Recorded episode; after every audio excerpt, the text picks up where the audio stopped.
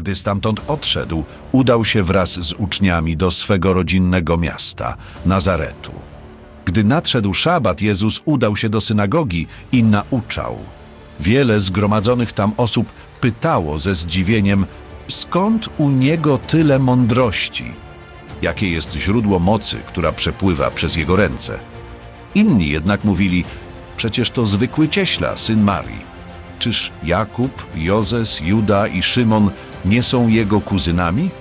Także jego kuzynki mieszkają pośród nas.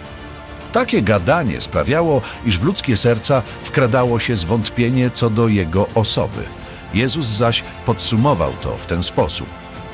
Nigdzie prorok nie jest bardziej lekceważony niż w swej ojczyźnie, pośród swych rodaków i we własnym domu.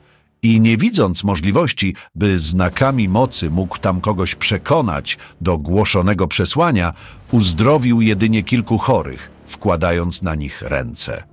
Poruszony wielkim niedowiarstwem, z jakim się spotkał w Nazarecie, opuścił miasteczko i zaczął nauczać ludzi po okolicznych wsiach.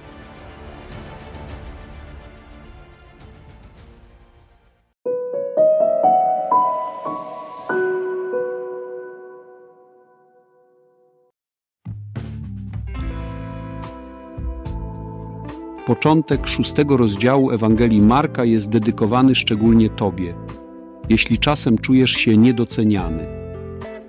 Często w życiu spotykamy się z sytuacjami, gdy inni patrzą na nas z góry, nie wierząc w nasze możliwości. W tych słowach odnajdujemy Jezusa, który doświadcza podobnego traktowania. Nigdzie prorok nie jest bardziej lekceważony niż w swej ojczyźnie, pośród swych rodaków i we własnym domu. Te słowa wyrażają prawdę, którą wielu z nas doświadczyło. Ile razy wracaliście z nowym pomysłem, pełni entuzjazmu, tylko po to, aby usłyszeć: Przecież znamy Cię od dziecka, co Ty możesz wiedzieć? Czyż to nie brzmi znajomo? Bo ja, jako kaznodzieja, usłyszałem to kilka razy w moim rodzinnym mieście ale nigdy daleko od domu. Współczesny świat zmusza do porównywania i potęguje takie zjawisko. Mimowolnie dokonujemy autolustracji, oglądając fotografie modeli i modelek w internecie. Jesteśmy też jak Jezus w Nazarecie, otoczeni przez sceptyków, którzy zamiast patrzeć na nasze osiągnięcia, skupiają się na naszej przeszłości lub pochodzeniu. Ale co Jezus zrobił w obliczu takiego traktowania? Nie poddał się. Nie pozwolił, aby ograniczenia innych stały się jego ograniczeniami. Nie potrzebował aplauzu, aby wykonywać swoje posłannictwo. I tutaj jest to lekcja dla nas wszystkich. Pamiętajmy, że nasza wartość nie zależy od tego, co inni o nas myślą.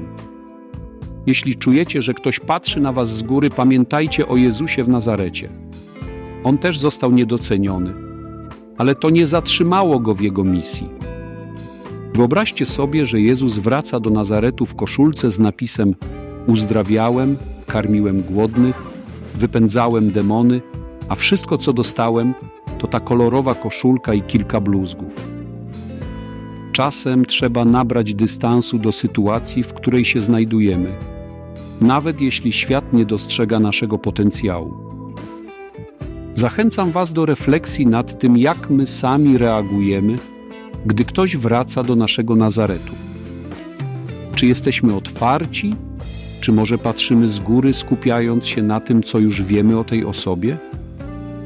Niech ten fragment przypomni nam o potrzebie otwartości i akceptacji, bo każdy z nas może być prorokiem, nawet w swojej ojczyźnie. Niech Bóg nam wszystkim błogosławi. Amen.